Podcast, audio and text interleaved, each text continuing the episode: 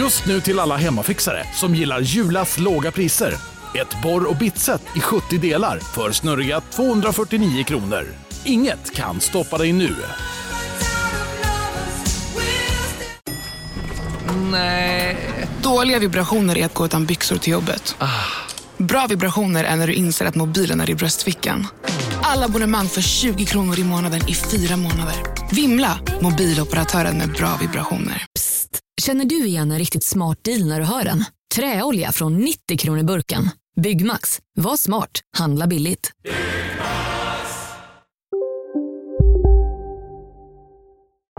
Hej allihopa och välkomna till vår podcast Kulturbarnen med mig Ida Tirén, författare och kulturjournalist. Och med mig Pontus de Wolf, musiker och konsertarrangör, bland annat låtskrivare. Tjohej! Välkomna! Välkomna. alla, nya, välkomna alla nya lyssnare som har kommit hit under sommarens middagar och semestrar och eh, välkomna hit. Ja, word has got around. En ny säsong kan man nästan säga, en ny termin för Kulturbarnen kanske. Ja, verkligen. Vi ser er allihopa. Ja, jag tänkte vi kan berätta lite kort, alltså, bara för de som är nya här. Mm. Jag vet att många har undrat, eh, är vi kulturbarn? Eh, svaret är ja och nej. Eh, Pontus, vad vill du svara på frågan? Ja, jag vill, eh, jag vill ställa mig till den flocken. Jag hade ju en pappa som var konstnär och hade varit det hela sitt liv. Och jag föddes när han var ganska gammal och eh, men då tog jag det för normalt, att det var någonting man liksom kunde göra. Eh, och sen så har jag en halvbror som eh, ja, folk runt omkring mig som har liksom spelat musik och hållit på med bildkonst och dikter och tjottafräs. Sådär, så att man liksom Mm. har det med modersmjölken. Och du då Ida? Nej, jag måste nog faktiskt svara nej på den frågan. Eh, mina föräldrar är eh, båda två lärare, pappa på gymnasiet och mamma är numera speciallärare på lågstadiet och lite mellan. Men ursprungligen så var hon undersköterska, så pluggade hon när jag var mellan typ 10-årsåldern. Började hon plugga till, till lågst- låg och mellanstadielärare. Ah, Ehm, och ingen av dem kommer från någon kultur, kulturbakgrund på det sättet. Min mamma växte upp i Hästveda i nära där Patrik Lundberg eh, växte upp, i Gö, Ah. Göinge. Så att vi, har- vi, vi har käkat middag nu för, några- för några veckor sedan. Ja, precis. Vi käkade middag för några veckor sedan och vi, eh, vi, vi ses ibland. Liksom. Och vi, Ja. Dels är vi väldigt kul ihop för vi har typ samma humor, men vi har ju också det här gemensamma förståelsen för den här obskyra platsen som är lite Ja. så här i norra Skåne. Ehm, ja, så ehm, mammas ma- mormor drev en Mm. sybehörsaffär på äldre dagar. Eh, på sin gård, alltså på, på gården liksom. Var så jag växte upp, de åkte, åkte mamma och farfar i Skåne så fick man så här botanisera bland knappar och sånt. Det var väldigt, Wow. Ehm, men det var lite så hobbyprojekt tror jag mer, eh, för lokala folk. Och sen min, han, hade något, han hade någon slags företag som sen gick i stöpet, om ska säga. Jag Mm. vet inte exakt vad som hände där, lite känsligt ämne i familjen. Jag Ehm, eh, och min ehm, eh, pappas sida, så min farmor, hon jobbade för Synskadades riksförbund med talböcker. Alltså Ah, ah, eh, ah. hjälpte folk, folk låna talböcker. Men det var senare i livet, i början av livet jobbade hon som växeltelefonist. Och min farfars pappa var någon slags, jobbade vid ah, järnvägen och sen blev han han fick inte studera då för de hade inte riktigt råd. Men sen senare i livet blev han, tog han en kvällskurs och blev någon slags ingenjörsartat jobb. Men det var liksom här i Värnamo på någon slags eh, företag. Ehm, Så de har ju aldrig haft några pengar på någon av sidorna, om man säger så. Jag tänkte på det här om dagen. Jag bara, men ibland hör man folk som bara så här, ja, jag vill inte röra mitt arv. Och jag bara så, jag har aldrig haft mer. Jag tror det mesta jag har haft är 10 000 kronor. Ja. Och det, det kommer nog tyvärr att fortsätta vara så. Jag pratade med min farfar, var här, jag träffade min farfar senast igår, han är 92. Mm. Och han sa det, han bara, jag hoppas inte ni blir sura på oss för att inte, ni aldrig fått ärva någonting av oss. Men vi har liksom, de har liksom levt, de, har ju, de kommer från ingenting och liksom har levt de pengarna de har fått. Och Mm. De försvinner med dem. Och mina föräldrar likadana, de bara, vi vill njuta av livet, vi kommer inte spara någonting. Men det Så där jag räknar inte med en krona i arv alltså. Nej, det blir bara bråk mellan syskon. Det där betyder ju någonting Jag har hört helt... det. Ja, det betyder ju något annorlunda förr, det här med arv. Alltså att man skulle ta över en verksamhet eller gården eller liksom... eh, Och ofta så var man ju ganska mycket yngre om man fick liksom en stor smocka pengar. Alltså man kanske Mm. var 30-40. Nu så ärver man sina föräldrar när man är 70. Bara, vad ska jag göra med de här pengarna? Jag åker till Spanien typ. Det, blir, det känns så smutsigt att man liksom ska... Men jag har hört, nej, men jag har bara hört att det är jättemycket så här konflikter mellan syskon och sånt i och med arv, att det är jätterörigt. Ja, nej men det blir så där om man liksom ska typ ärva en tomt på två syskon. Då kanske den har Ah. gått upp så mycket så att när man ska liksom splitta den så måste den ena köpa ut den andra och då kanske inte man har råd till det. Och då blir det smutsigt. För antingen får ju någon, alltså bara som exempel, alltså att då får ju någon ge upp sin bit eller liksom få ut, den ena får ut mycket mer värde och sådär. Det blir ju alltid... Eller så släpper man familjegården liksom. Ja, exakt. Nej, hopplöst. Det, var, det, liksom, det funkade ju smidigare när den äldsta sonen alltid tog hela arvet. Då fick man Även det behålla var- godset Ja, intakt. precis. Även om det var sin typ av helvete och orättvisa idé, såklart. alltså vad drygt, min lillebrorsa skulle få ärva allting. Ja, det hade varit snopet alltså. men skönt Nej, men- för dig samtidigt. Du kan ju fortsätta vara Ida då. Jag bara kör still old me. Nej men alltså det, det, var, det är ju lite speciellt det här med dödsstädning och sånt har ju varit en grej. Det skrevs ju en bok, jag tror det var en så här svensk idé. Som blev en jättestor bästsäljare utomlands om att liksom dödsstädning, att man ska förbereda inför döden själv och liksom styra upp allting själv innan man dör. Jag tycker faktiskt, alltså det är ju lite respektfullt, det är ju lite sjukt att man bara säger ja jag samlar på mig massa skit och sen dör jag, så får någon annan deala med det här. Det är ju lite Ja, ja, du menar gamla typ lager och sånt där. Ja. Ja, du ska sörja mig och du ska typ så rensa ut mina gamla skit som jag samlar på mig på vinden. Alltså, Mm. det, är ju lite ego, det är ju lite ego. Men också en grej som jag tyckte var väldigt nice som min farmor gjorde när hon, när hon gick bort. Alltså, när hon började bli lite så här eh, mindre bra minne äh, mot slutet. Mm. Hon levde till 87, så kanske hon var så här 80 plus. Då skulle de flytta från sitt hus och flytta in i en lägenhet. Och då gjorde de en upprensning med deras smycken som hon har samlat på sig. För att alla gamla människor har ju olika smycken, typ så här, Ja. ringar. alltså ingenting jättevärdefullt, men lite Typiskt så här, lite, några, ja, men så här, några guldringar, några guldhalsband typ, som man har fått så här, på 50-årsdagen. Typ. Eh, Mm. Då gjorde de som en så här, genomgång av alla deras smycken och delade ut dem till olika släktingar, då, alltså Ah, barnbarn ja. och barn. Så att alla fick så här, en fick en klocka, en fick ett halsband, Mm. en fick en ring typ. Ehm, och hade väl ungefär värderat vad som är, och sen har också, ibland har de typ så här lagt i paket, så fick man lotta, så här, fick man ta en och lotta så det inte skulle vara någon, att någon kände sig förfördelad. så Ja, jag fattar. Så, det, så liksom allting var redan klart som Ja. var av värde var redan borta när hon dog. Och nu min farfar är 92 så han har väl kanske inte jättelång tid kvar i livet och det finns liksom ingenting kvar att ärva. Mm. Så här, en fåtölj kanske som är lite finare. Typ. Så att, ehm, och han har inga besparingar heller så det är så här, ja, det blev inget Så det bra något idé. tjafs när han dör. Nej. Alltså, det finns något väldigt skönt med det och respektfullt tycker jag ändå. Så här. Ja, absolut. Ja, det inspirerande tycker jag att de tog det beslutet. Ja. Vi har ju inte haft något, jag har ju tre syskon eh, och det var ju noll tjafs efter vår pappa när han gick bort för att han hade inte heller Var det någonting. så? Han, ja, han hade lite så tavlor och lite engelskt porslin liksom. Som, eh, men eh, ja, ja, ja. Nej, men så mycket om kulturföräldrar. Men eh, vi tog ju det här namnet Kulturbarnet efter att det på, hade pågått en så här stor debatt om kulturbarn under det. förra, våren förra året. Ehm, Mm. li, lite om så här, hur orättvist det är att barn till kulturpersonligheter får mycket större chans att jobba med kultur och sånt.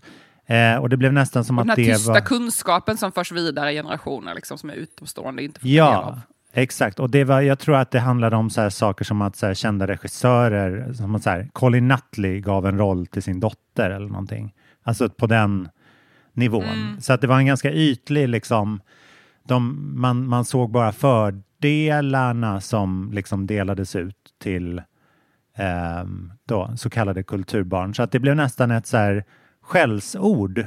Så att då vi, vi fastnade för det namnet för att det var det kan finnas något väldigt fint i kulturbarn också. Och vi känner ju lite att så här, vi är Ja, barn. det av- vet jag inte om det var, min, det var för att stå för dig Pontus. Ja, men jag tycker det är ett, det är ett, ett eh, namn, ett ord som man kan tolka på många sätt. Alltså jag har aldrig tänkt det på det för att jag har varit mitt i det såklart. Men, men jag tänker till, till exempel att man kan vara så här barn utav kultur, inte just liksom av kulturföräldrar. Man kan till exempel vistas i en miljö där kultur är väldigt upphöjt. Som så här, mina, mina morföräldrar var läkare, de kunde absolut inte ta en ton eller liksom sådär, men min, min mormor kunde citera eh, alla Frödings verk så här, utan till och liksom kunde Hej. hela, så här, alla blommor, alla växter, alla fåglar och bara dyrkade kultur och gav oss jätte, jättemycket. Wow. Men som, liksom, som så här, återberättare eller som, eh, som utövare egentligen. Eller så här, intagare av kultur. Så att jag tycker den grejen är lika viktig. Så att på det sättet kan man ju verkligen vara liksom ett barn utav kultur. Och jag känner också att så här, vi kulturbarnen i den här podden kanske inte bara är du och jag utan även alla lyssnare och så där. Våra barn. Nej, men sen är också, sen är också eh, vi är väldigt intresserade, jag är väldigt intresserad av, jag är också väldigt intresserad av eh, barn, eh, barnkultur. Ja, Eh, och det är också återkommande ämne i podden, alltså vi är intresserade få- frågor kring barn och barnkultur. Så att det finns många dimensioner i den här titeln. Det är inte bara att vi två är kulturbarn, vilket jag Nej. tror kanske vissa nya lyssnare tror, vilket jag, varför jag ville reda ut det här. Men däremot har ju både du och jag fått egna barn, som Ja. nu är kulturbarn. så Verkligen. att det är ju, så De är ju chanslösa. eh, ja, nej, alltså, jag ska inte ljuga, jag har faktiskt alltid stört mig på kulturbarn. Jag, det är Ah. inget illa mot dig Pontus, men det har varit en återkommande grej i, min, i mitt liv att jag tänkt att fan vad orättvist det är att vissa har fått så här, de bara, ah, vad självklart, det här kan man göra. Och jag, så här, bara, liksom, jag minns när jag ville söka in på konsthögskolan med föräldrar bara, nej, så där, det kan man inte få ett jobb, hur ska du Ah. göra det? Liksom. Alltså, det, Ah, finns, ah. det fanns inte i min värld. Och... Eh, det, det var sånt, jag tror inte folk förstår som växte upp exempel i Stockholm, alltså, vilket enormt steg det är när man kommer från en liten håla någonstans. Jag i Värnamo, Patrik i uh, Göinge. Liksom. Alltså, ta det steget från det till att så här, gå in i kultursfären eller kulturfinrummet. Det är ett väldigt stort ett stort steg. Och det, man Ja, skulle ja, kalla, för en, ja. kalla för en klassresa, men egentligen är det ju faktiskt ekonomiskt är det en klassresa neråt. Jag hade förmodligen haft det bättre om jag jobbade på en industri i Värnamo ekonomiskt. Men, men det är ju en klassmässig, alltså statusmässig resa och en maktmässig resa. Så att jag tror att det är svårt att leva sig in i det om man inte upplevt det själv, men det är bara en sån erfarenhet som, som finns. Och då kan man Mm. titta på de människor som, aldrig, som inte ens förstår vilka, vilka resor man har gjort, som utgår från, jaha, men du har ju blont hår, du är ju svenska, men det är, det är väl klart du ska vara här. Liksom. Men Ja. man känner själv att man har gjort en väldigt stor eh, inre resa för att komma dit. Och det är som något man själv man är liksom lite ensam med, för det, det syns inte utanpå. Det syns kanske tydligare om man kommer till exempel från förorten eller från annat land, och kanske så folk kan förstå att... ehm, men ja, det är ingenting jag försöker så här, det är ingen offerkofta jag bär, jag bara, det är bara en, re- en resa jag personligen har gått igenom Ja. och nu har landat i. Liksom, att jag har tänkt ibland så här, fan vad andra inte förstår, vad de tar det här för självklart, och för mig är det här en väldigt stor grej. Men eh, that's just my journey. Vi har alla våra små resor i livet. Ehm, men med detta sagt, Ja. vad vilket, händer bra, Pontus? vilket bra intro! Det här måste vi... vi vilken Vi nystart det känns som. Ja, ni som gillade det här introt, klicka gärna på prenumerera så får ni höra. ja, nej, men det var en, en fin eh, filosofi kring det hela.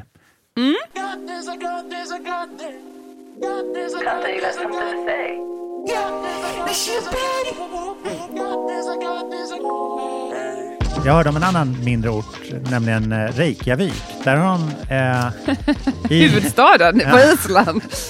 där har de en app för dating där man kan se så här, eh, sin, så här, de, sin, eh, sitt arv, vad heter det? Sin DNA. Nå... Nej, men man, man kan se hur nära släkt man är. Alltså, Aha, Liksom alla har det. den För att alla är appen släkt med varandra. ja men precis, för att det är från en så här mindre Det, det känns väldigt så här Tinder Gold Platinum. Alltså, man så här, ja vi matchar, ja vi matchade lite för bra.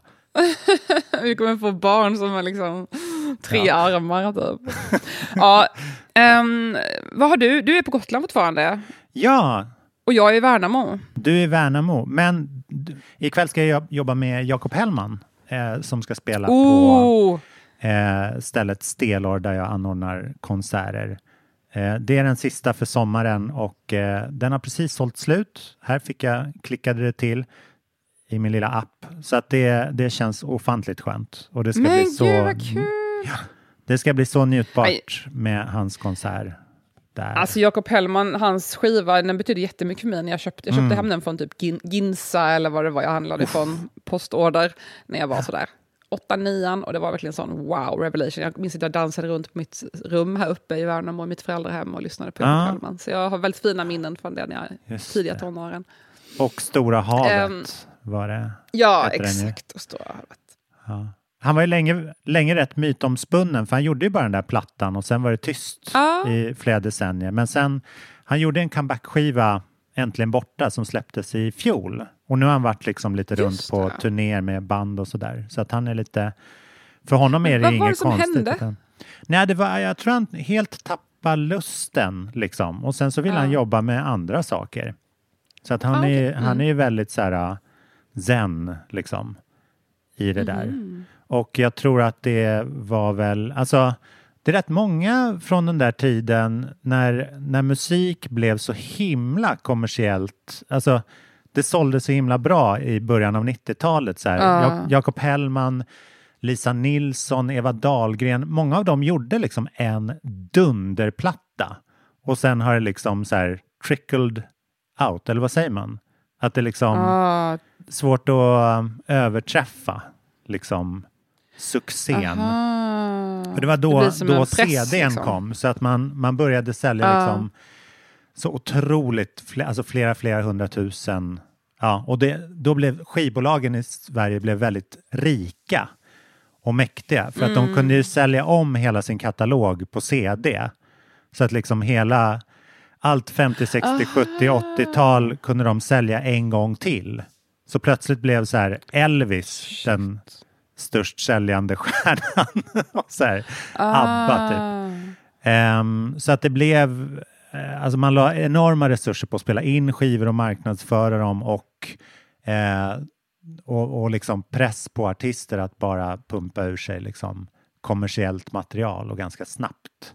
Så det är en, det är en speciell tid den där tidiga, det, det är verkligen en guldålder men om man ser på liksom hur många skivor folk släppte så är det inte så många.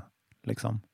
Men också väldigt hämmande. Och det var lite, bara för lite Mm. åter- återkoppla till det vi pratade om innan med kulturbarn, bara en liten snabb parentes, är ju, som jag också pratade om tidigare på den, att det kan ju också bli en hämmande effekt att man har Ja. föräldrar som har lyckats väldigt mycket i kulturvärlden. Och det har jag ju uttryckt tidigare på att jag är väldigt tacksam för på ett sätt, att jag är ganska fri i det här. Det finns inga Mm. förväntningar på mig. Nej. Det är mer såhär, åh vad kul, har du sålt några böcker? Vad roligt. Det ja, liksom ingen absolut. så här bästsäljande nobelpristagare i familjen som man ska jämföra sig med, utan det är verkligen bara, jaha, Ida har redan Mm. lyckats jättemycket jämfört med förväntningarna. Ja, så man blir sig frihet Ja. också där. Men det, det, jag kan tänka mig, det lite, nu för tiden är det ju så här, ingen förväntar sig att tjäna pengar på musik, så gör man det så är det väl bara en bonus. Det Ja. finns inte samma förväntningar som på Precis. 90-talet kanske. Nej.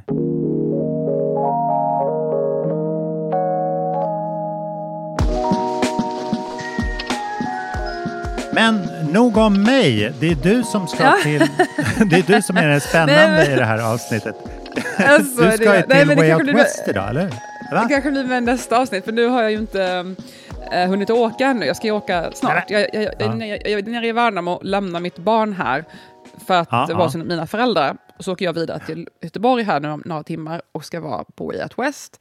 Eh, och jag har liksom, ja, men apropå uh, hitlåtar och sånt här som vi pratar om nu, så um, har jag gått igenom lite nu vilka artister som jag vill se. Och Ja. ja, det finns Alltså, en hel måste- del, bland annat... Jag måste först säga att jag, jag, är så, jag har liksom extrem FOMO fast med full sympati. Alltså jag, skulle, jag är inte avundsjuk på dig. Jag är bara peppad att du ska åka till Way Out West. För det känns ju som att det är ett så här ganska känslomässigt år. Det är det första de håller sedan 2019. I och med pandemin och sådär.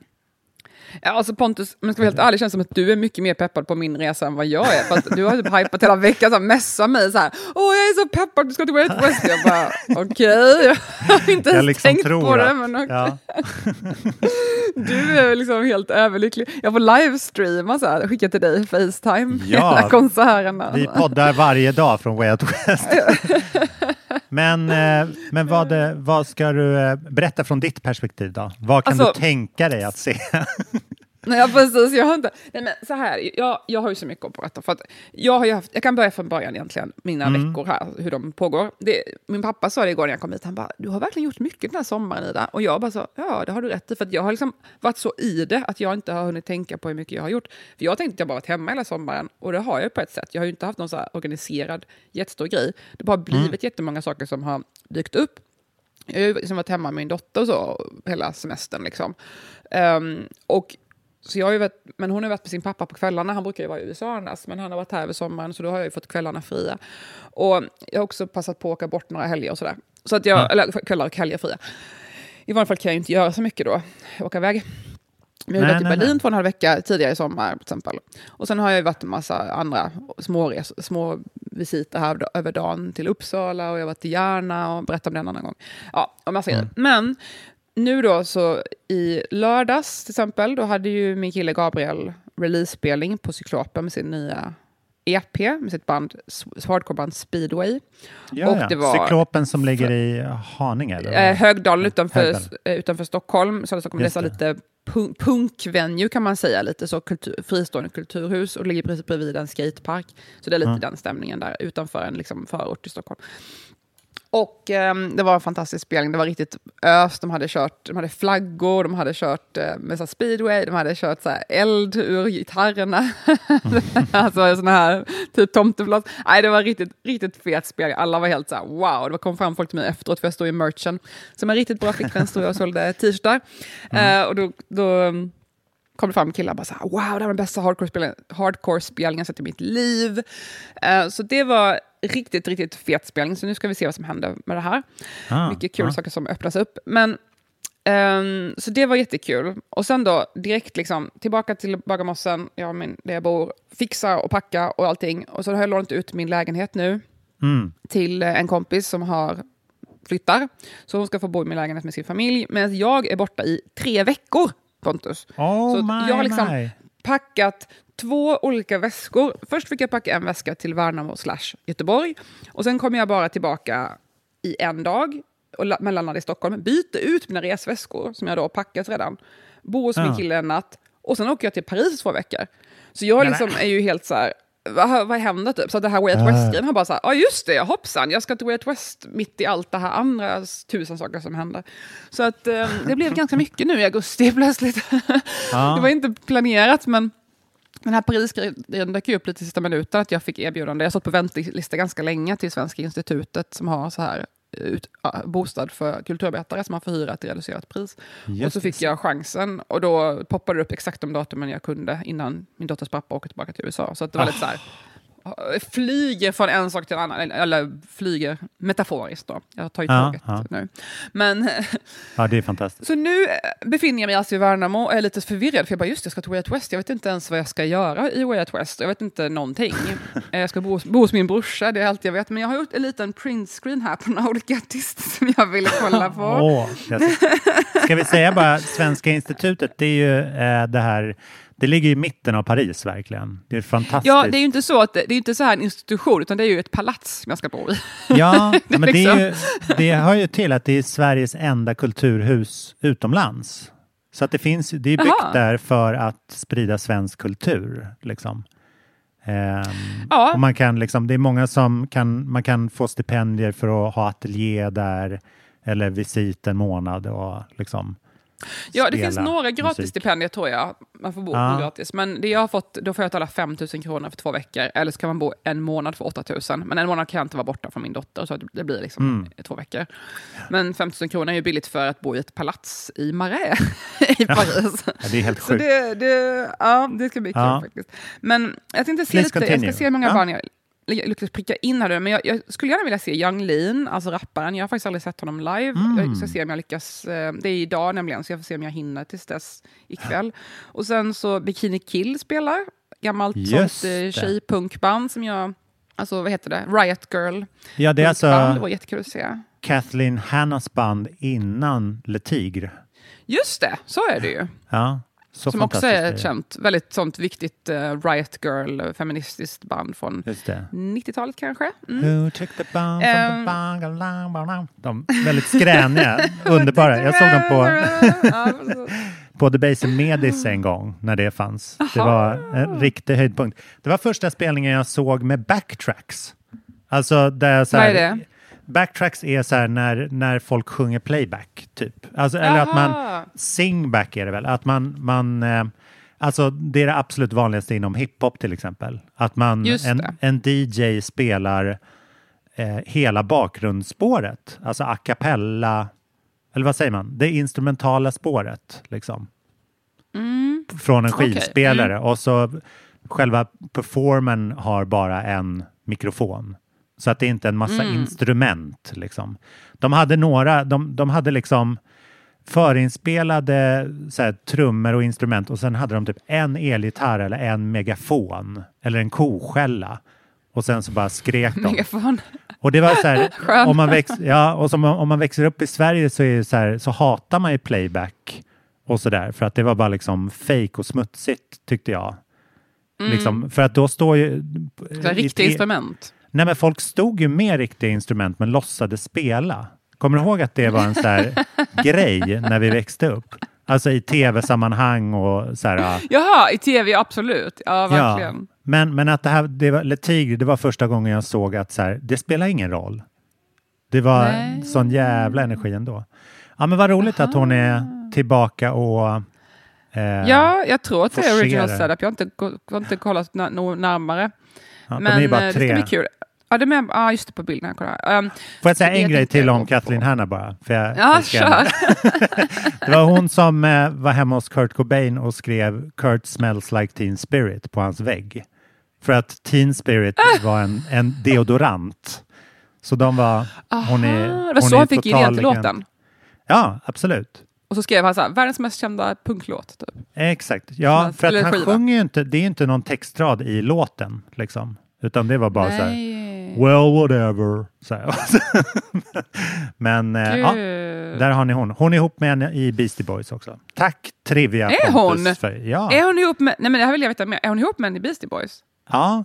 Eh, nu ska vi se. Adam York heter han som gick bort eh, i strupcancer. Och eh, Mike B är det inte. De borde ha det rätt bra ställt då. Alltså, alltså det är ändå så här, Beastie Boys borde få De har, en hel del. de har kulturbarn.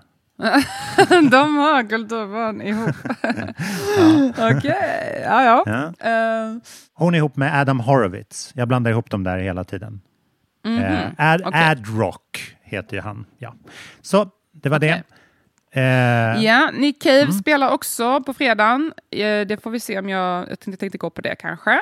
Och även Ja. andra band som jag lyssnade mycket på när jag var yngre är Arab Strap, som är också sånt eh, Oh. indieband som jag inte har hört så mycket av. Men de släppte faktiskt en skiva förra året som jag tyckte var skitbra. Som jag, verkligen, de har inte, alltså jag har inte hört röken av dem på typ 20 år och sen så Nej. släppte de en skiva förra året som jag tyckte var svinbra, som jag lyssnade på jättemycket faktiskt.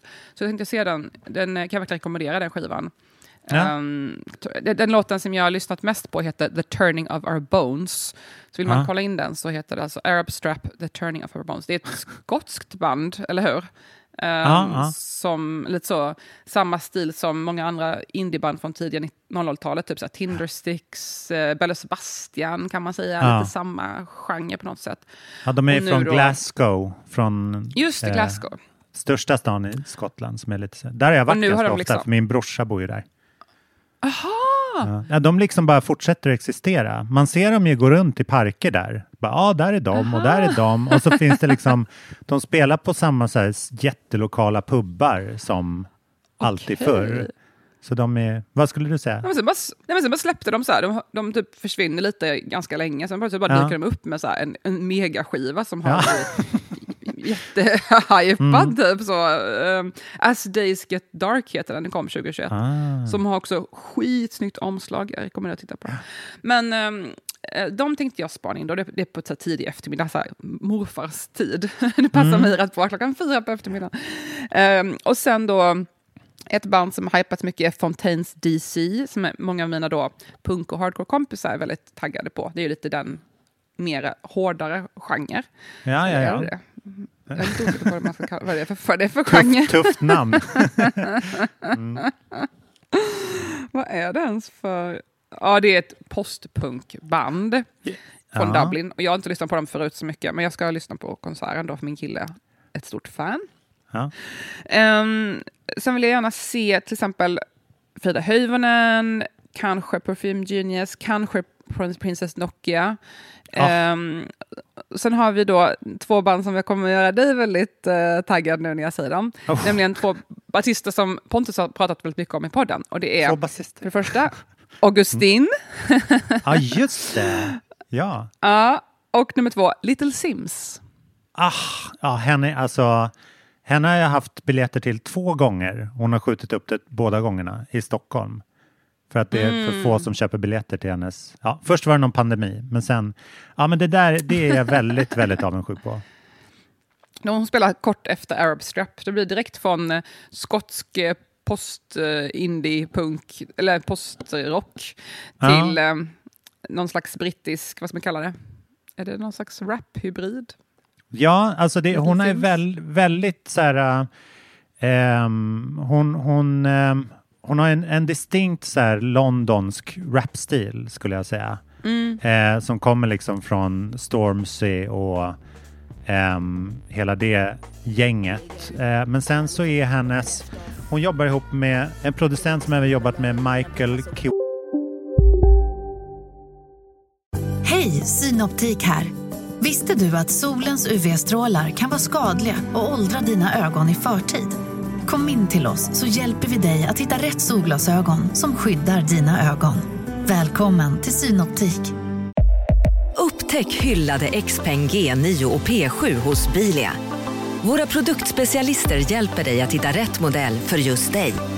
Boka din provkörning på bilia.se xpeng redan idag. Välkommen till Bilia, din specialist på XPeng. Kolla menyn. Vadå? Kan det stämma? 12 köttbullar med mos för 32 spänn. Otroligt! Då får det bli efterrätt också. Lätt! Onsdagar är happy days på IKEA. Fram till 31 maj äter du som är eller blir IKEA Family-medlem alla varmrätter till halva priset. Vi ses i restaurangen på IKEA. Wanuka som är en så här eh, London, ja, väldigt eh, hypad artist och en eh, arrangör som man, man har väldigt mycket stråkar och så här in, väldigt eh, eh, utvecklade liksom blåsarrangemang och sådär. Och hon, det låter som samplingar men det är liksom orkestrerad musik i bakgrunden till hennes beats. Och det är en, en så här en, en klassisk arrangör som heter Rosie Danvers som alltså är verksam i Storbritannien som skriver, som hon jobbar tillsammans med och liksom gör så att det låter som så här James Bond typ i bakgrunden.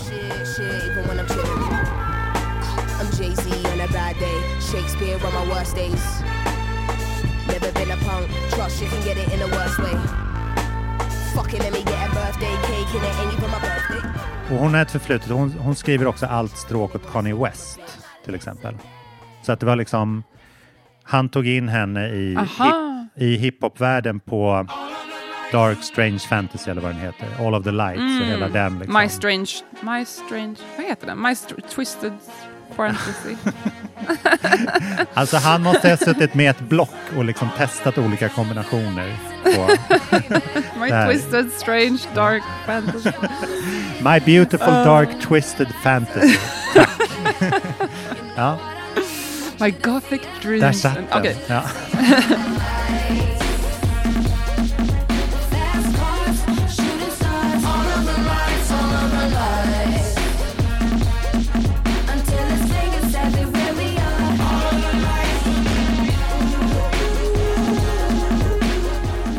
Eh, för att jag vill passa på att göra lite shoutout också till lite mer, eh, inte lokala band, men liksom till de lite mer i, vår, i min egen närhet band. Ja. Eh, det finns ju också Stay Out West som är liksom på klubbspe, klubbspelningar som inte är i festivalområdet men som Mm. tillhör festivalen.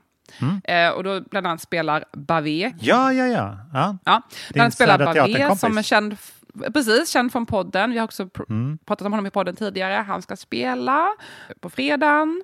Ja.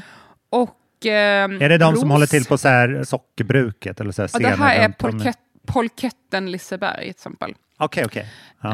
Eh, och sen har vi också Ros som jag är lite bekant med. eh, som sjunger och hon spelar på fredag på Scandic Grand Central. Så det finns Ja. lite så här olika band som spelar i Stay Out West också. Ja, det är ju skitroligt. då- Det är väldigt Ja. kul att hänga på de där när stan tas över. Liksom. Lite som vi pratade om förra veckan med Fringe Festival, att det liksom dyker Ja. upp band över hela Ja. stan. och Inte bara, fast också då teater över hela stan med Fringe. Ehm, Mm. Och sen då kan vi gå in lite på hiphopen här då för att runda av. Ja. Eh, det är ju inte jättemycket hiphop på den här festivalen, men bland annat spelar A36 som jag har såg faktiskt på Lollapalooza nyligen. Det är de som sjunger den här Samma gamla vanliga, Ja. eller han som sjunger. Ja, men jag tyckte det var en bra spelning. Han hade mycket roliga features, mycket roliga gäster som kom in Mm. och rappade och sådär. Tyvärr, bland annat Mackie som rappar, som, ty- ty- som var bäst tycker jag av hela Mm. rapparen. Ma- Mackie var liksom, han kom in och ägde scenen verkligen. Men det var lite speciellt i Stockholm, kanske det är fler rappare som bor i Stockholm av de här. Så det kan ju hända att det blir lättare att få dit features, som man säger. Så det, det är säkert det kommer några, dyka Mm, upp några mm. oväntade namn nu. Eh, men däremot, då, han kanske jag ska se igen, vi får se. Sen spelar vi One Cuz, också känd från eh, eh, Grecaso och One Cuz, är väl också med i den låten va? ja, just det. Ja, men nu är det- de inte... Väl, nu jobbar de inte ihop längre, om jag förstått Han, rätt. Nu är det One lite Cuss gästade ju även Ed Sheeran igår. Just Det spännande. De Aha, har han gästade här, på live. Ja, exakt. På Lis, nej, inte Liseberg, på um, Ullevi. Sk- Aha, mm. Han Eh, spelar de väl igen ikväll, tror jag. Ja, precis. Jaha, då förstår man att One Coast stannar kvar i Göteborg då och spelar på fredag. på, eh, Generöst. på Way Out West. Ja. Eh, och Lina, L, stavas L1. NA. Mm. Eh, också en kvinnlig rappare som jag tycker är bra, har flera låtar som jag gillar. Ja, hennes låtar har också- snurrat på P3 i sommar. Kan jag säga, Ah. som har bilstereo. Mm. Just det, du som har radio. Ja. Eh, och sen, nu kommer jag till ett ämne som jag vill fördjupa mig lite mer i. Då, då spelar även WC Barre och Adam. Adam, han stavas med två A. Adam. Ja. Och jag har ju pratat om WC Barre jag vet inte hur många gånger i den här podden. jag har en ohälsosam eh, fascination av den här 18-åriga barnet. Ja. Eller nu, unga mannen då. Ja. Och det är inte någonting konstigt med det här vill jag påpeka. Det är inga så här Nej. Ida har konstiga... Jag tycker bara att det här är Alltså, Le- Leo kul. DiCaprio var ju 16 när han gjorde Titanic. Hur många har inte trånat efter honom fortfarande? Jag trånar absolut inte efter WC Barre. Jag vill bara... Nu, nu Ja. låter det som att jag gör det för att jag säger att jag inte gör det, men nej, Nej. Alltså, jag, ja. det gör jag inte. Eh, men jag tycker att han jag tycker de har väldigt kul och bra musik. Och jag Ja. pratade ju om det här redan förra året och då var de väl bara 17. skulle fylla 18 och nu ska, de fylla, nu ska han fylla 19 i september, Ja. kollade jag upp. Jag ville vara säker på att jag pratade om en vuxen här. Men då, jag tycker väldigt mycket om deras musik för att de Alltså de har väldigt mycket liv och det är fart och det är poppigt och det är lite som ja, men Snook eller sådana här band som var populära för tio år sedan ungefär. Mm, och de ehm, ehm, är ju då, från Märsta, alltså Valst, de rappar väldigt mycket om Valsta, utanför, som ligger i Värsta, som är ett köpcentrum i eh, Märsta där de brukar hänga. Ja. De häng, snurrar runt i Märsta, de hänger runt i Märsta, de fast i, Va- fast, fast i Valsta. Just det, Fast den har vi lyssnat på tidigare. Mm. Ja. Ehm, men nu har han då släppt en ny låt som jag har lyssnat på lite grann, som heter Grammis. Och jag tyckte det här var Ah. väldigt kul, för vi har pratat mycket om Grammisfestivalen i podden. Ja. Eh, dels har vi ju Pontus med i... det. Ja, förlåt, Grammisgalan Ja. i podden. Och dels är ju Pontus med i juryn, och vi har också haft en, ehm, en konversation fram och tillbaka med um, rap... kommentatören Allan Max, som är väldigt stor Ja, på TikTok. Han har, han har kommenterat vår podcast och diskuterat det här. Så vi har varit fram och tillbaka med Allan Max om det här. Just det, Eh, utifrån... Eh, Utifrån grundidén var ju då att vi har haft, det är ju ett problem med att rapparen Antoine kritiserade Grammisjuryn för att de, han tyckte att de hade smal syn på hans konstform, vilket är då hiphop och rap. Han var ju bara har- nominerad i Soul Hiphop då. Just det, och inte till Ja. exempel kompositör eller låtskrivare och sådär.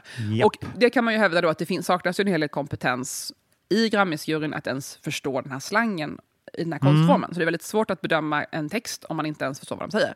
Det kan man sammanfatta kortfattat. Då. Så det finns ju liksom en idé om att det är väldigt mycket så här, eh, vit medelklass i juryn som inte har grundförståelsen för att förstå aktuell hiphop. Och, eh, och, och Ifpis vd, alltså Grammisens Grand King, eller vad, han ställde även upp på intervju med eh, på det hans Youtube-kanal. alltså. Ja, Med alltså, så Allan att Max. de, är, ja. de vill ju inget annat än att lära sig liksom, förstå hiphop, eller vad man ska säga. Så det jag tycker väl Ja, att nej, det, det, Cred det, till alla de här. det är bra att Antoine lyfter det här så att det blir bra. Och sen är inte liksom, en Grammis är inte världens viktigaste grej, men den är mycket viktig för någon. Nej. Så att, ja. Det är symboliskt. Och Mm. jag säger bara, ta in eh, min kille Gabriel, för han kan varendaste rappare, varendaste årtal, varendaste låt, varendaste Ja, mening. jag ska och, eh, rekommendera så. Jag blir ju skitpeppad nu för att det har ett ord som har dykt upp som jag har hört i lite rapplåtar. Mm. Ehm, ett slangord som är då godis. För det ofta pratar man om så här, eh, olika knark och hasch och sånt där. Och då har de pratat om godis och jag har gissat att det här är antingen tramadol eller, eller eh, eh, någon ecstasy eller så är det bara knark generellt. Och jag Ja. sa det till min kille, jag bara, alltså vad betyder godis? Han bara, jag har aldrig hört det. Och jag bara, nej men jag har hört det i låtar. Det sa jag typ för ett halvår sedan. Och nu i den här låten Grammis med WC Barre så sjunger han också godis. Och jag tänkte, fan, jag, första gången i mitt liv så var jag före Gabriel att upptäcka ett, ett ny slang. Ehm, som dök upp i låtar. Och nu har jag bekräftat att det var, jag vill inte med bara, den finns i den här låten. Men det var bara en liten um, parentes. Det visar Vad på betyder det? Av nö, nö, det är ingen, vi vet inte ännu. Jag, jag gissar på antingen tramadol eller, eller knark Åh, generellt. jag måste men lyssna. Om, poli- Jag måste klippa om detta. lyssnar, nu kan jag tipsa att godis är ett nytt ord som har dykt upp i slangen. Nej, men i alla fall den här nya låten Grammis då, som har släppts med med ehm, de här grabbarna. Och jag tänkte jag skulle spela upp lite, jag ville förklara, för att nej, jag tycker den här låten är väldigt intressant. Och nu är ju så att Vesi Barre och Adam, de är liksom, de är ett team, de är två polare. Ja. Och de har ju blivit, senaste året, kanske de några av de största rapparna bland den yngre publiken. Alltså de har verkligen slått igenom enormt. Så jag började prata Ja. om det i podden för ett år sedan, har de ju verkligen bara blivit, ja, så jag gjorde det. Nej men alltså, då när jag började prata om det, då var det så här, nu har de fått sitt genombrott. Sen dess har det verkligen bara varit rakt uppåt. Ehm, och jag tycker det är intressant med låten för att de har haft ett sound som är väldigt mycket sådär poppigt fast ändå hiphop. Men nu kommer den här Grammis. Och jag, Den kom för några veckor sedan, jag har bara inte hunnit prata om den i podden. Men jag har tänkt jättemycket på det här. Det är mm, eh, producenten Chancy Beats som har gjort beatet. Och det är väldigt viktigt för att produktionen i det här kanske är det viktigaste av allt. Det är Barre som sjunger. Jag ska spela upp i bakgrunden. Ja. Ja, alltså låten handlar om att han kommer till Grammisgalan och plötsligt så är livet annorlunda nu när han har Ah, blivit ja, känd. ja, ja. Och han eh, får framgång på olika sätt. Jag ska spola fram lite låten ungefär till när den har gått en minut. Som alla rapplåtar nu så är den bara två minuter lång. Alla, låtar- alla låtar Ja. nu är ju så himla korta, som vi har pratat om tidigare på den. Och min teori är att man ska få fler streams, de har kortare låtar. Men det är bara min personliga teori. Men här tycker jag blir väldigt intressant. Om du lyssnar på produktion, på beatet, alltså hur den, hur den låter.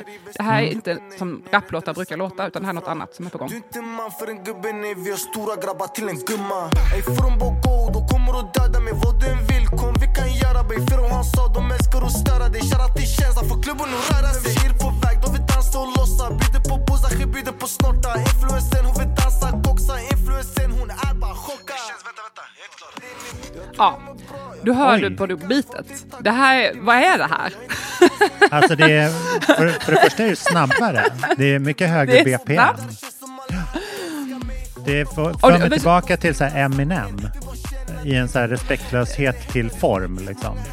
Ja, och det är också intressant för du pratade ju tidigare om den här Beyoncé-låten som var en house-låt vi pratat om Mm. tidigare. Att Beyoncé har upptäckt house. Um, Ja. Beyoncé, Beyoncé har upptäckt house. Och jag tänker det är lite samma sak här. Det här är ju liksom en klubblåt. Det här är ju liksom en EDM-låt. Det här är ju nästan så houseig beat. Alltså det är Ja, väldigt... ehm, det är mer en elektronisk musik än det är traditionella hiphop-beat kanske. Ja, Ehm, verkligen. så jag blev skittaggad när den kom, för det är, så här mycket, det är som syntar, pop, pop, pop, pop, pop. och de här droppen, liksom, när jag hörde det bli så här tyst och sen började det upp igen, ganska oväntat. Liksom. Mm. Att han vågar, så här, det är helt tyst och så bara kör de igen. Och jag, jag, jag tyckte det var så intressant, alltså det här bitet. Jag har inte hört någon svensk rap som låter så här förut, så det är liksom ett nytt sound som jag bara blir nyfiken på vad det är på väg. Men det här mycket, Ja, mycket, Vi pratade tidigare om att det är mer, mer poppigt, men det här blir mer, mer Ja. liksom, jag vet inte vad det här är på väg. Liksom. Nej, men det där är ju mer så här, det där är nästan dubbla tempot av vad så här, trap brukar vara. Det, Mm. Eller det, är- det är liksom en rejäl tempoökning. Det är väldigt spännande. Nästan så snabbt att det är svårt att hoppa till det. Alltså det kommer bli en... eh, Ja, det blir väldigt spännande att höra Rapport om du får se hur det ska, här man liksom live. nicka, hur ska man nicka med i den här låten? Liksom, Du, du, du, Ja. Det känns som att alla älskar mig. Uh. Och det, det roliga är att jag också man kommer kommer helt snabbt på texten, för jag tycker det är så gulligt att så här, eller för det första, eh, en av hans första låtar är ju typ att han, han sjunger gr- bruden tycker om min, tycker min, om min längd och att jag är söt. Det var liksom hans... alltså att han Ja. tycker, det här är en kille som har lanserat sin grej om att han rappar om att han är söt. Ehm, och nu så... eh, I den här låten så är det så här, han kom in på programmet, det känns, som att alla älskar mig och influencern vill festa och koxa. Och jag menar, Mm. Det här är så tidstypisk text tycker jag, för att när vi växte upp, det fanns ju inte ens, jag visste inte ens vad en influencer var för jag var typ så här, över 30. Jag har aldrig, Ja. hört ordet, att det var ett yrke att vara influencer. Och nu är det så självklart att så här, aha, man rappar och influencers, de hänger. Liksom. Då, Mm. Förut var det ju mer så här, hade låten kommit för tio år sedan hade det varit modeller. Så här, modeller på festen är Mm. snygga, typ. Men nu är liksom influencern, hon vill rappa och fe- festa och koxa. Liksom. Eh, så Ja. det, jag tycker det finns mycket i den här låten som är så här, för mig som kulturjournalist väldigt intressant. Alltså just den här förändringen i ljudbilden som är helt annorlunda än vad vi är vana vid. Och de här textraderna som säger väldigt mycket om tidsandan. Ja, det där, alltså tempot för en ju till, till så här eurodisco, tycker jag. Alltså så här Barbie Girl Ja, eller Bailando. det. Det är den, det är den typen av beat. Eh, även fast det där, det, det. har ett annat mörker liksom. Men det är den, om, man ska bara, om jag ska ta ett, samma tempo ur huvudet, så är det ju liksom ganska glatt. Men eh, det där lät jättebra. Alltså det ska jag verkligen kolla in. Vad rolig upptäckt. Det är också markant Ja, kul så- att ja. jag, jag, jag har reagerat på det tidigare också att eh, även på Grammisgalan så är influencers mycket viktigare än musiker och eh, artister. Det är liksom, artister är en backdrop för influencers att kunna göra sitt jobb. Okej, anyway, please continue. Anyway, vi säger vi som båda två är ihop med influencers, sitter vi sitter Ja, här och... exakt. Ja, nu, verklighets, eh, oss, Ja. ja. Bli finansierad av våra, kultur, våra influencers partners. Nej, det blir jag faktiskt inte. Jag skulle gärna vilja det. Samma men, eh, här, ja. inte. Nej, inte. ja, men eh, nu så. Nu ska jag alltså på program på Way Out West. Vi får se om jag lyckas Ah. pricka in och se den här låten live och även annat eh, musik live. Ah. Eh, men alltså, man kan ju också tillägga att de här banden jag pratar om nu, som exempel bara, det är ju lite så här, de är ju unga. Mm. Och det är ju inte de här som kanske är mest creddiga av rapparna just nu. Jag skulle säga att de mest creddiga Nej, är rapparna är ju till exempel Ändå. Ja, eller typ Antoine skulle jag säga. Fast de kör ju också en Ja, låt ja, ja. tillsammans, Mm. Antoine och Young. Så att bland så här, Young Lean är ju en annan kategori lite grann. Han är ju mer riktad internationellt och sådär. Bland de svenska Mm. så här, lokala rapp, alltså mer så här, centrerat svenska rapparna så tror jag att Antoine anses vara ehm, GOAT, greatest of Ja. all time. Det tror jag nog jag med. Ehm, så vi får se. Och nu har ju också Manny Flacco, som har pratat, pratade om i podden för några veckor sedan, producenten, han har också släppt en ny låt som heter, eh, som ligger tvåa på Spotify, så jag, i topplistan. Ah, fett. Eh, så att de, han har släppt en ny låt som heter uh, Suttlukten med rapparen Dizzy. alltså Suttlukten. Konstiga Alltså, associationer jag fick. Ja. Sutt Ja, är ju då sutt, alltså, alltså- eh, röka gräs, tror jag. Eller om det kanske är hasch, men det är lukten Alltså av... det, så tror, det, är, ja, det är den roligaste anekdot jag vet. Att om man vill köpa gräs i Göteborg på 90-talet så skulle man gå runt så här, sutt, sutt, sutt, sutt och säga sutt, sutt vid broar. Då, då kom folk fram och sålde broar? gräs till en. Ja. Kanske var en specifik bro, men testa det. Sutt, sutt. jag går runt i nu Göteborg. Nej, men jag vill faktiskt inte köpa några droger, men annars så, tack för tipset. Då vet, Ja. Då vet ni det. Då vet även min moster som lyssnar på det här i Ystad det här. Eh, okej. Ja. ja, men ehm, vi är ju inte för droger på något sätt, vill jag ju passa på att påpeka. Men jag, är Jag blir så trött och kan inte jobba. Det är värdelöst. Nej. Och vi är bara för konstnärlig frihet och uttryckssätt. Så är det. Hell yeah.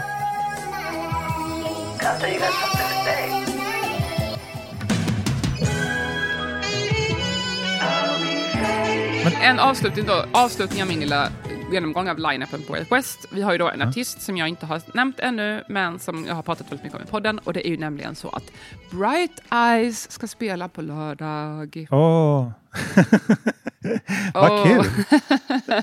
och jag tror faktiskt att jag inte har sett Bright Eyes live när jag tänker efter. Kanske någon, någon festival någon gång, jag vet Mm. inte riktigt. Men jag är då väldigt, var väldigt stort fan av Bright Eyes i tonåren.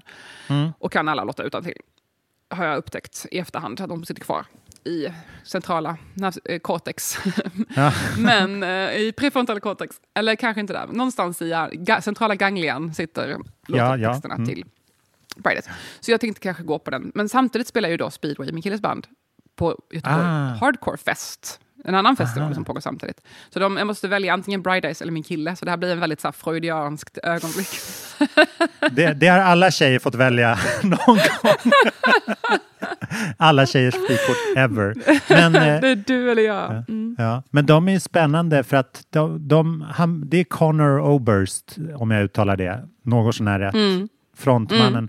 Han var väl liksom Bright Eyes som pseudonym först och sen blev det ett band. Och sen gick han tillbaks till att göra så här Connor Oberst-konserter och nu har han återförenats med sitt... Gud, med det här var mer pseudonym. än jag visste om alltså. Ja, men det är lite röra för att han har inte legat på latsidan. Det är bara Bright Eyes som inte har släppt någonting på länge jag. Jag lyssnade på en intervju med honom, jag vet inte om jag har sagt det, men jag lyssnade med honom för ett tag sedan. Och då var det att han liksom hade precis gjort slut med sin fru eller sin tjej eller sådär. Och de Mm. hade inte fått några barn och han var lite så här tvekade mellan att satsa 100 000 procent på att bli världens bästa låtskrivare någonsin och att Ja. bli pappa. Och tänkte att de sakerna inte är förenliga. Så att det var en väldigt så klassisk konstnärlig kamp. Men hade han levt, men hade han levt för liksom 100 år sedan hade det inte varit något snack om saken. Då hade han haft så här 17 Nej. barn. Och, Ja. och frun hade tagit hand om barnen. Han verkar göra vad Nya han vill. Evert Taube. Ja.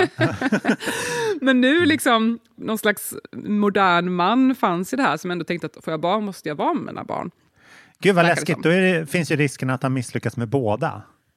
är ju överhängande då. Ja, det är, ibland tänker jag på det där. Alltså, vad hade hänt om fler människor kunde bara släppa Mm. ansvaret för barn nu för tiden och satsa helt på sin konst?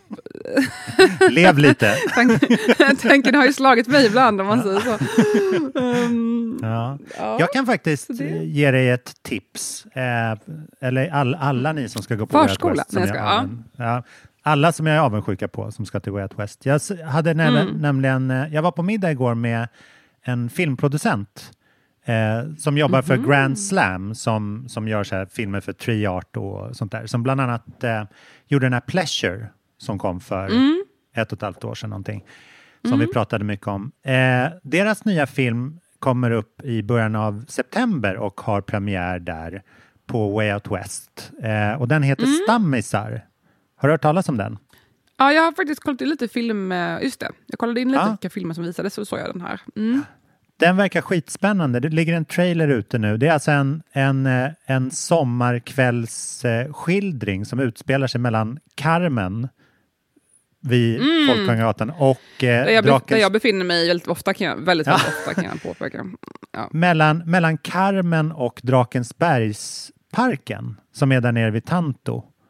Eh, Där det är en stor drakklätterställning. Och den, För alla som inte eh, bor i Stockholm vill jag bara säga att Carmen är alltså så här legendariskt ö- billig ölställe som folk sitter och hänger på. Sunkbar kallar vi Mycket- det lokalt. Ja, mycket Ja. ungdomar men också ganska blandad publik. Jag tycker ändå att jag känner mig välkommen där. Jag känner inte mig ett urgammal ja. där heller. ja, det är, där, Ehm, ja.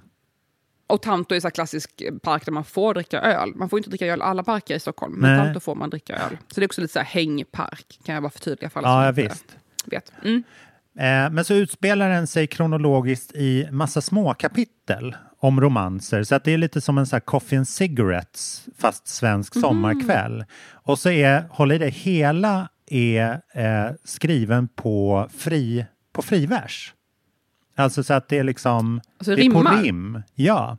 Okej, Hela berättelsen. shit. Och Vintage. Ja, verkligen.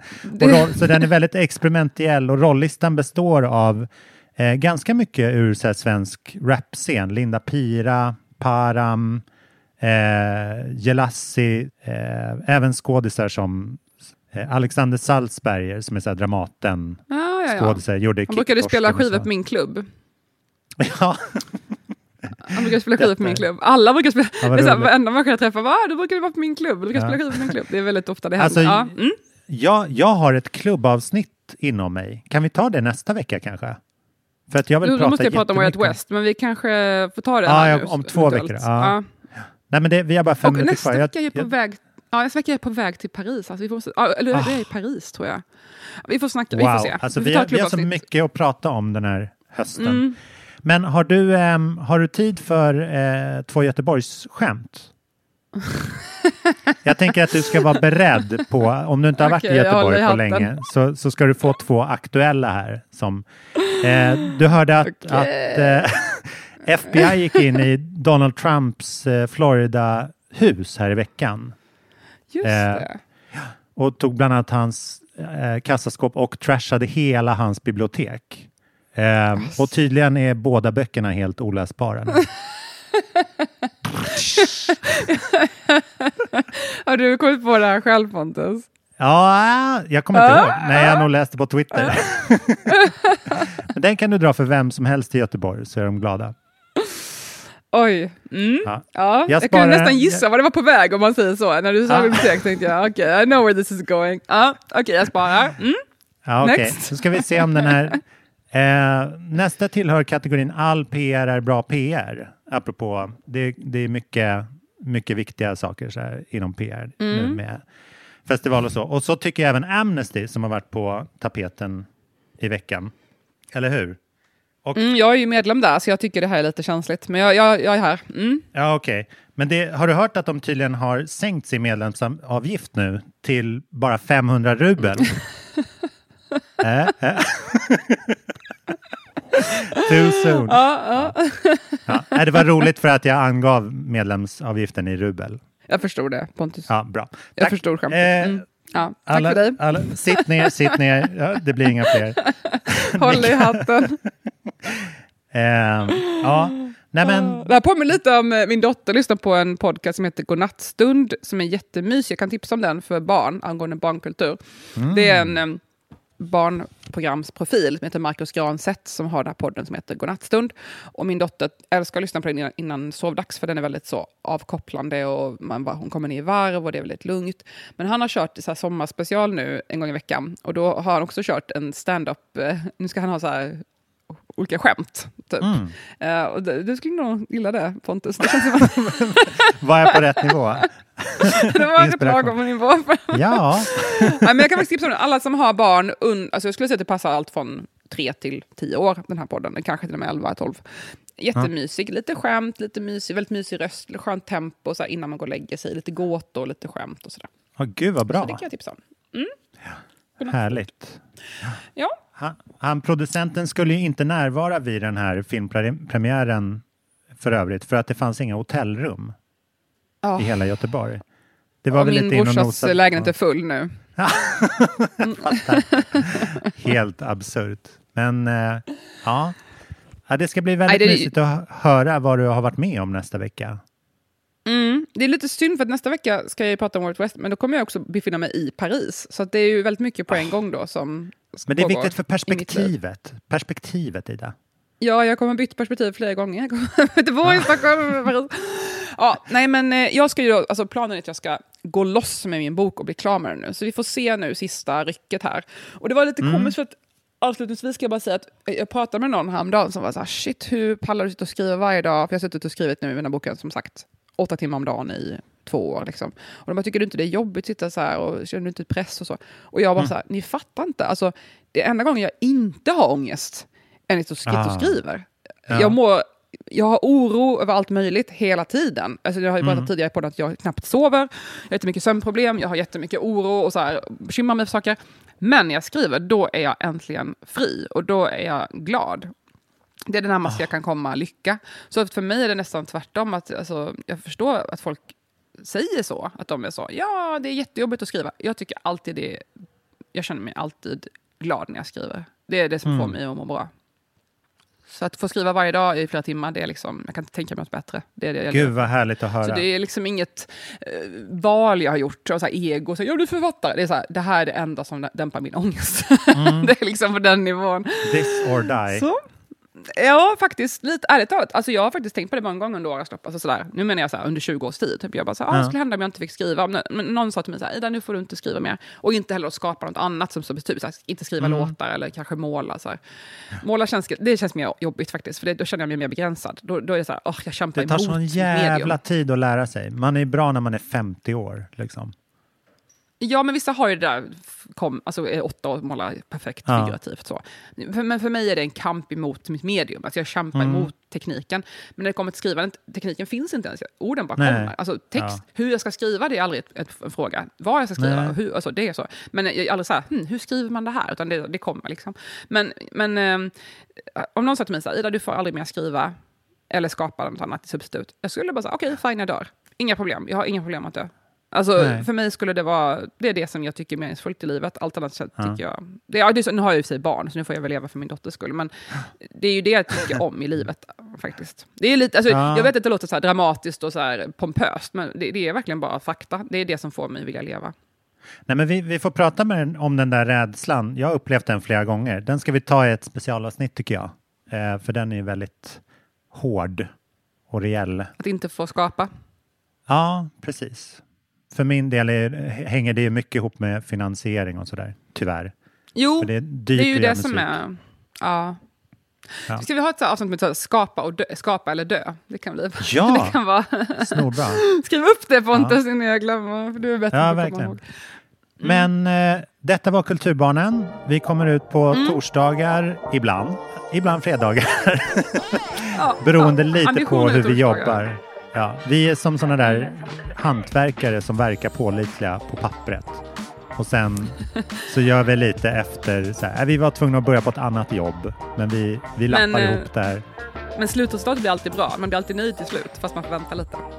Exakt. Det kan vara frustrerande, men bra. Lämna en kommentar om vad ni tycker om och vad Ja. ni skulle vilja höra. Jag ser så mycket fram emot hösten med det här Ja, podderiet. det ska bli jättekul. Och vi, vi gör ju det här helt eh, utan att få några pengar för det. Så vi tycker ju att era, vi blir jätteglada när vi får lite uppmuntran och ni tipsar kompisar och kommenterar. Så det betyder mycket för oss.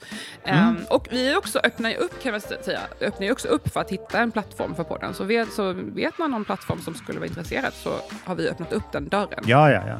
Eh, Vi hörs nästa vecka. Tack för allt. Tack för att ni lyssnar. Vi är så glada för det. Ha det så bra. Hej då!